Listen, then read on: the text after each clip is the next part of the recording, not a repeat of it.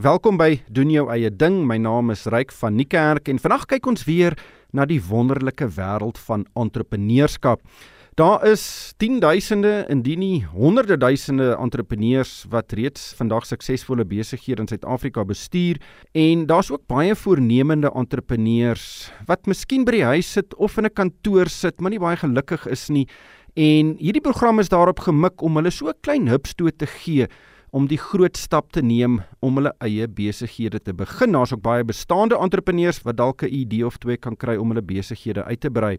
In hierdie program gesels ek met suksesvolle entrepreneurs. Ons luister na hulle stories en hooplik kan ons daaruit leer om goeie sake geleenthede te identifiseer en ook te hoor watter uitdagings hierdie entrepreneurs moes oorkom om suksesvol te wees. En my gas vanoggend is Elise van Wyk. Sy is die stigter en eienaar van 'n onderneming met die naam van Humble Art to Sow. Dis 'n besigheid in Brits in Noordwes en dit bemark 'n hele reeks baie interessante gourmet produkte soos onder meer konfyt, jellies, blatchang en uh, nog baie baie ander ook. Elise, baie baie welkom by die program. Dankie dat jy ingekom het ateljee toe. Presies, wat doen julle? Ag baie dankie Ryk, dis vir my lekker om hier te wees.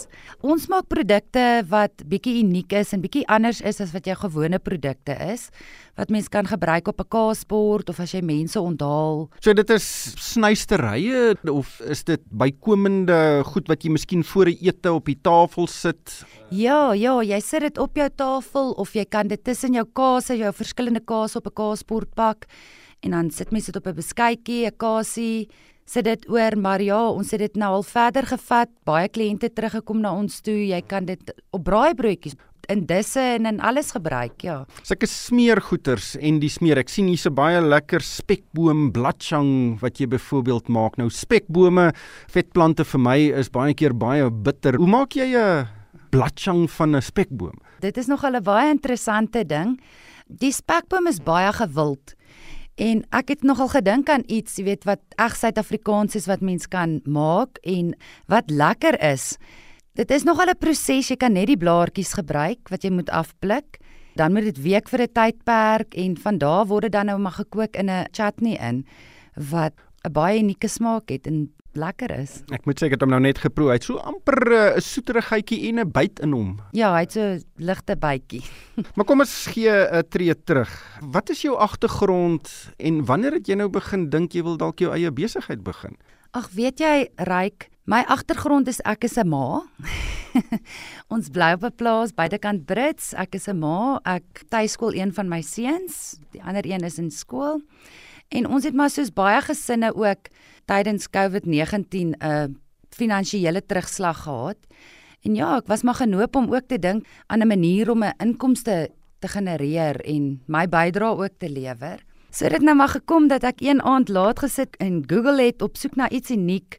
Ek hou van goed maak. Ek het nog altyd gehou daarvan om goed in te lê en iets unieks te maak vir ons familie en so aan. Maar ja, ek het eintlik gegoogel na unieke konfyte of iets wat mens nou kan gebruik, jy weet wat sal verkoop en so het ek op Shops drinking vinegar afgekom. Nou, ek weet nie hoe om dit in Afrikaans mooi te stel nie.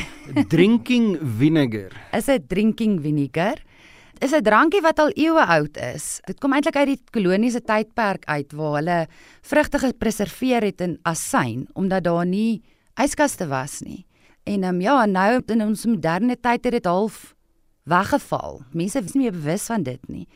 Maar ja, drinking vinegar.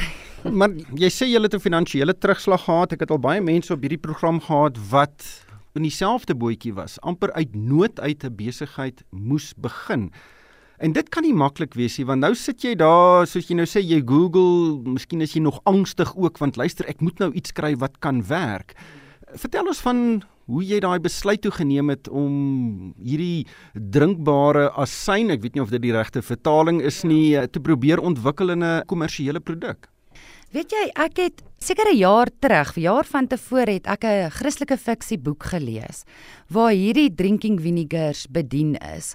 Maar toe nou nog nie vreeslik agter opgeslaan nie, maar die aand toe ek nou Google en op die naam afkom, toe onthou ek van die boek wat ek gaan lees het. En ek het die boek gaan uithaal En agter in die boek was dit die tradisionele manier hoe jy hierdie resep maak hierdie drinking vinegars.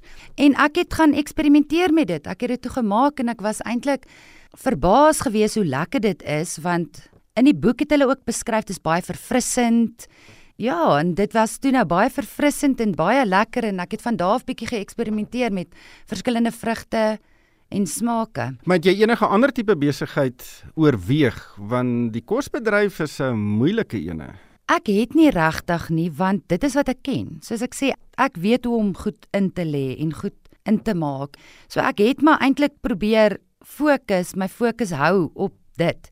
En die drinking vinegars was net vir my iets anders. Dis nie iets wat algemeen hier by ons bekend is nie en dit is bietjie gesonder. Dit was ook tydens COVID.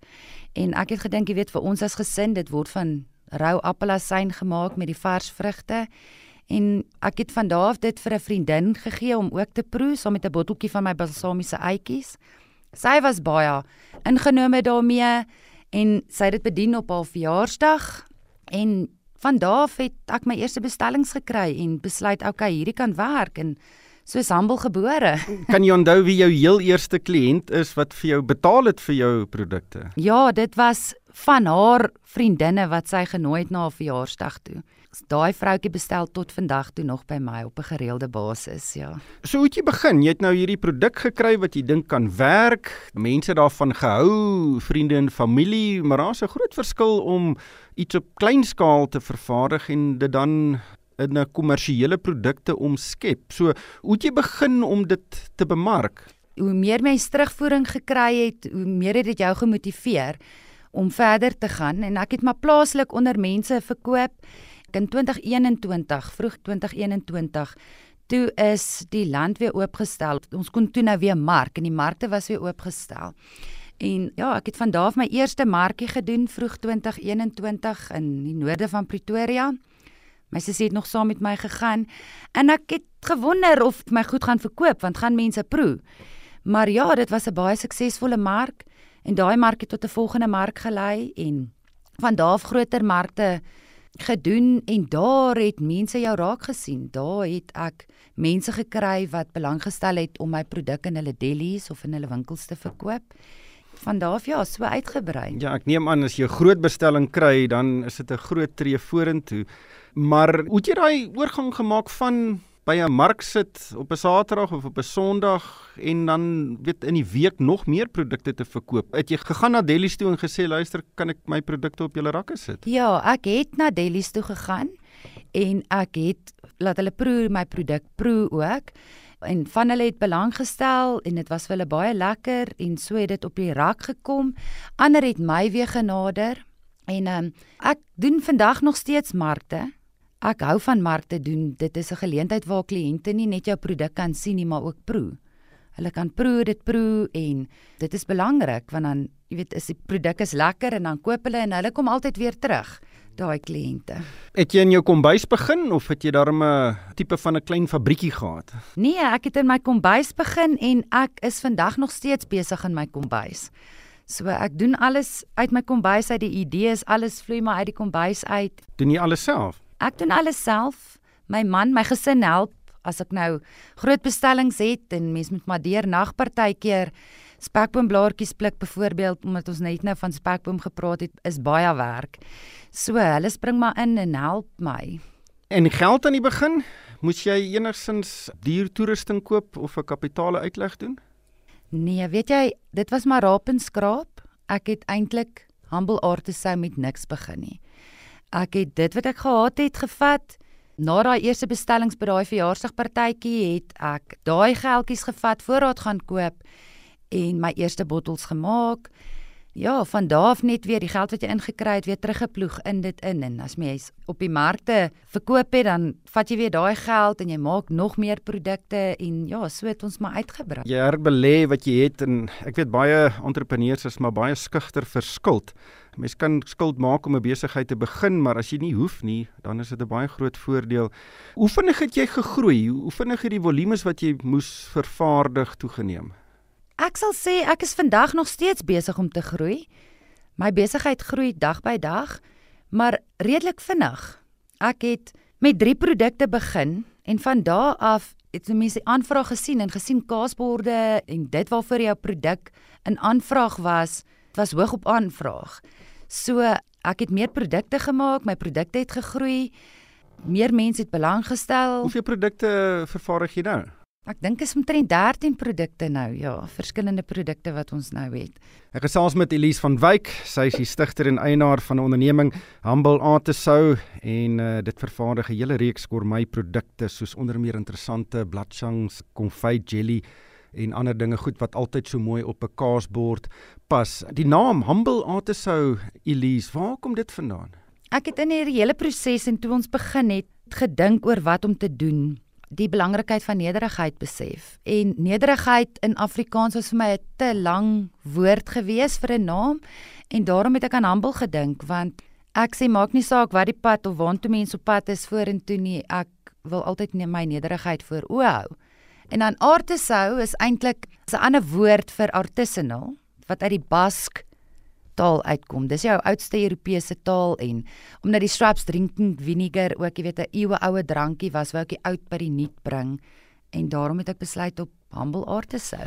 Artesou, as ek dit moet vertaal, dan sal dit baie nader wees aan ambag amper soos artisan. So dit kom nie daarvandaan af nie want ek nogal gedink, weet ambagte is iemand wat spesialiseer in iets. So dit het niks daarmee te doen nie. Dit het te doen met 'n craft om hierdie drinking vinegars te maak is ek sal sê dit is 'n kraft. Jy moet die regte hoeveelheid asyn gebruik.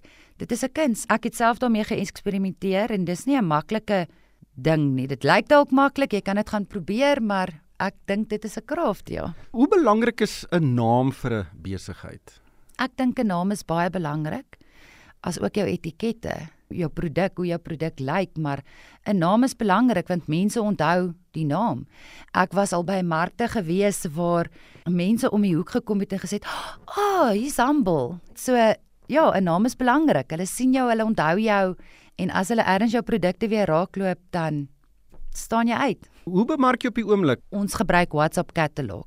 So jy kan by my deur WhatsApp katalog ook bestel. Ja, ek het gesien jy het 'n groot Facebook bladsy. Jy bemark ook op Instagram en dan jy ook video's van hoe jou produkte in ek neem aan dan in ander delis hoe dit daar mooi pryk want die etiket is regtig baie mooi.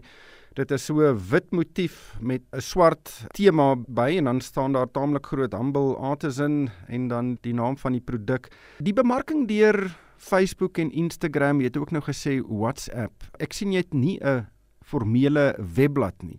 Hoekom het jy daai roete gevolg? Weet jy, ek het agtergekom Formele webblaaie werk nie so lekker vir ons nie. Dit is makliker om as iemand vir jou op jou WhatsApp katalog 'n produk kies, dieselfde soos 'n aanlyn winkel sal werk en jy kan direk met hulle kommunikeer. Waar dit eintlik al te formeel is vir my op 'n webblad. Dit is half soos 'n winkel soos 'n robot of iets. so die WhatsApp katalog werk lekker. Mense vra partykeer uit eers oor jou produkte partykeer kry jy sommer nog ekstra produkte by wat hulle dan koop as jy eers bietjie met hulle gesels het oor WhatsApp. Mense bou verhoudings so. Hoe maklik koop iemand 'n produk deur 'n platform soos Facebook sonder om dit te kan proe? Is daar mense wat op die blad afkom en dan koop of is dit maar mense wat dit iewers anders geproe het en dit dan gaan soek? Nee, ek het verseker al verkope gehad vanaf Facebook en Instagram af, navraag gehad ek pak self ook, jy weet, as mense bel baie keer en hulle soek 'n unieke iets anders 'n verjaarsdaggeskenkie of so, dan pak mense 'n geskenkboks met ietsie ouliks wat jy dan vir hulle koerier en so aan. Dis hoekom ek sê jou etiket is belangrik. As jou produk nie net lekker is nie, maar dit lyk ook mooi en dit lyk stylvol, dan bestel mense. So ja, ek het verseker al verkope so gehad. Het jy die etiket self ontwerp? Ek het dit oorspronklik nie so gelyk nie dit was maar 'n bietjie van 'n uitdaging vir my in die begin. Ek wou iets modern, maar die krul moet die oud weer saam inbring en dit moet stylvol wees. Dit moet iets wees wat anders is, uniek is, lekker is om te eet, maar ook lekker om as 'n geskenk te gee vir iemand. Wat is jou grootste uitdagings op die oomblik vanuit die entrepreneursperspektief? My vorige uitdagings was om goeie printers te kry, om jou etiket reg te print en wat betroubaar is. Maar my grootste uitdaging tans is om my produk verder as Pretoria, hoe kan mense Gauteng en my onmiddellike omgewing te kry. Ek het 'n swaar produk. So vir ander delis in ander streke in die Kaap of Vrystaat, dis 'n uitdaging om my produk daar te kry. Want om 2, 3 bokse van my produk vir hulle te stuur is 'n swaar gewig. Ek het 'n swaar produk. Dis nie net oorbelle of iets wat jy vinnig koerier nie. En betaal jy meer vir die koerierkoste omdat hy swaarder is? Ja. Jou koerierdienste werk maar op sekere kilogramme. Nou ja, my goed is swaar. Dit is my grootste uitdaging is om hierdie logistiek agter mekaar te kry. Ek glo ons gaan nog daarby uitkom, maar sodat my produk, jy weet, verder bietjie landwyd ook in winkels en so aan kan geskied maar wat dit bekostigbaar maak want as jou koerierdienste te duur is beteken dit jou verkoopsprys is ook dan buitensporig duur. Ek het hier 'n klein potjie, ek skat seker so 200 gram. Maak die koerierkoste bepaal dit jou verkoopprys ook, want jy wil ook nou nie 'n te duur produk hê nie. Ja. Nou kyk, tot en met 'n sekere kilogram betaal die kliënt. Ek praat nou nie van winkels nie. Ek praat van 'n gewone kliënt wat by my 'n bestelling plaas, soos 'n online winkel wat deur WhatsApp Business. So sy betaal dan die koerierdienste en as dit oor 'n sekere gewig gaan, dan gaan ons helfte helfte van daar af verder om die koste slaag te. Dis nou weer as dit in 'n winkel is. die belangrikste dinge wat 'n entrepreneur moet kan doen om suksesvol te wees is nommer 1 jy moet kan bemark. Ek dink baie keer dat jy van die beste ingenieurs byvoorbeeld in die wêreld wat enigiets kan regmaak, maar hulle kan nie bemark nie dan sal so 'n besigheid misluk. Jy moet kan jou produkte verkoop en smous. En die tweede ding is jy moet met geld kan werk, veral kontant. Jy moet albei kan doen, veral as jy nou nuut is in 'n besigheid of jy wil 'n besigheid begin en groei. Hoe werk jy met kontant? Was dit ooit 'n uitdaging? Dit was 'n uitdaging in die begin. In die begin was dit maar raap en skraap geweest. So mens wil die geld wat jy ingekry het, wil jy gebruik en jy het rekeninge om te betaal en jy, jy het ander dingetjies, lewenskoste. Maar ehm um, ja, ek het vinnig besef jou besigheid se geld is jou besigheid se geld en jy moet van daar af werk. Die geld wat die besigheid se is, bly in die besigheid. En as daar maande is wat daar wins is, wat jy kan wins vat, vat jy anders ploeg jy terug in jou besigheid in. Ja, hou maar jou kontant vloei. Kyk, jy kry ook baie entrepreneurs wat begin en aan die begin gaan dit sommer fliks. Hulle maak goeie geld en dan word daar 'n nuwe bakkie gekoop of 'n nuwe voertuig gekoop of 'n vakansie beplan. Hoe maklik is dit om jou persoonlike uitgawes te skei van jou besigheid se uitgawes? Raad wat ek kan gee is aparte rekeninge. Jou besigheid betaal vir jou 'n salaris. En ja, dit is jou salaris met my werk dit so. Jy vat nie ekstra geld omdat daar ekstra wins was hierdie maand nie. Alles bly in die besigheid en dis die besigheid se geld. Jy werk so jy moet maar jou vakansies en jou nuwe bakkie en goed beplan volgens jou salaris wat jy uit jou eie besigheid uit kry. ja, ek dink is baie belangrik. Twee rekeninge en jy het een bedrag wat oorgaan en daarmee moet jy maar uitkom. Die geld in die besigheid, die oomblik as jy daarin begin raak, dan begin dit die besigheid negatief raak. Dink jy dis moontlik vir ander mense wat ook bietjie finansiële uitdagings het, hulle wil so 'n tweede inkomste kry terwyl hulle werk en dan miskien later oorgaan en die stokperdjie of die bedrywighede wat hulle nou doen om te skakel in 'n besigheid. Is dit regtig 'n moeilike ding? Kyk, dis harde werk en dit is moeilik. Die gedagte aan die begin maak mens baie opgewonde en jy sien vreeslik uit daarna om jou eie ding te begin of dit nou uit nood is soos ek en soos jy sê of dit net is om om inkomste aan te vul. Maar dis harde werk, maar dis moontlik. Jy moet natuurlik 'n passie hê vir dit wat jy doen en moenie moed verloor nie. Was daar al donker dae? Daar was al baie donker dae. Ek het eendag 'n een baie groot bestelling gehad, weer eens vir spekboom en oornag al die spekboom in ons omgewing het doodgeryp. So ja, daar was die kalf in die put gewees en mens was maar genoop. Ek moes gaan ry en gaan soek vir spekboom. Waar kon ek spekboom kry? En dis donker tye. Ons het reg deur die nag gepluk en gekook en gealles want ek het 'n groot bestelling gehad wat ek moes aflewer. So dis harde werk, maar moenie moed opgee nie. Lig jou ken, staan op, gaan aan, glo in jou produk en of glo in dit wat jy wil aanpak, of dit nou 'n produk is of watse ander besigheid jy ook al wil begin. Ja nee, daar's baie kalvers wat in pitte val met enige besigheid ja. die die die talent is om daai kalf weer daar uit te kry. Nou, het jy enige groot uitbreidingsplanne of waar sien jy die besigheid oor 5 jaar? Weet jy ek het Humble is nog lank nie waar ek wil hê my besigheid moet wees nie. Soos ek vir jou gesê het vroeër, ek sal graag wil hê my besigheid moet landwyd gaan. En dit sal vir my lekker wees as ek oor 'n jaar of 2, jy weet, as 'n mamma, as 'n entrepreneur wat iets uit haar kombuis uit begin het, 'n huishoudelike handelsnaam kan wees. Hoekom jy byvoorbeeld op die rakke van Shoprite of Woolies of een van die groot kleinhandelgroepe, dit sal mos 'n groot deurbraak wees. Dit sal, ek het nog nie regtig ingegaan om te kyk na die logistieke en wat behels dit alles nie. Ek is op hierdie stadium kan ek sê 'n beheervraat. ek wil nogal beheer, jy weet, oor jou kwaliteit wat in jou produk ingaan en self te doen. En ek dink die volumes wat mens gaan moet doen vir so 'n groot handelswinkel gaan 'n groot uitdaging. Gaan 'n groot uitdaging wees vir my. Ek sal dis dalk in die toekoms, mens weet nie, maar vir nou hou ek daarvan om my produk is autentiek in unieke winkels, geskenkwinkels, klein dealies en so aan te verkoop. Maar mens weet nooit, soos ek sê, oor 'n jaar of 2 as ek dalk 'n handelsnaam op mense se tafels Ek dink baie mense sal miskien in 'n supermark of in 'n deli name koop wat hulle ken en dit moet moeilik wees om so 'n handelsnaam te vestig want mense moet jou produk proe en dan kwaliteit aan die handelsnaam koppel. Baie mense sal instap in byvoorbeeld Olga tomatiesous koop want ons eet dit nou al vir jare en dit is lekker, maar sal nie enige van die ander produkte proe nie. Hoe oorkom mens dit? Hoe vestig jy so 'n handelsnaam? Weet jy, hierdie oomblik vir my en ek kan sê dis hoekom ek ek gaan nie in die nabye toekoms ook ophou met markte nie. Want markte is regtig waar mense jou produk proe. Ek het al groot mense gehad wat my genader het, wat by markte was, wat my produk geproe het en daarvan gehou het.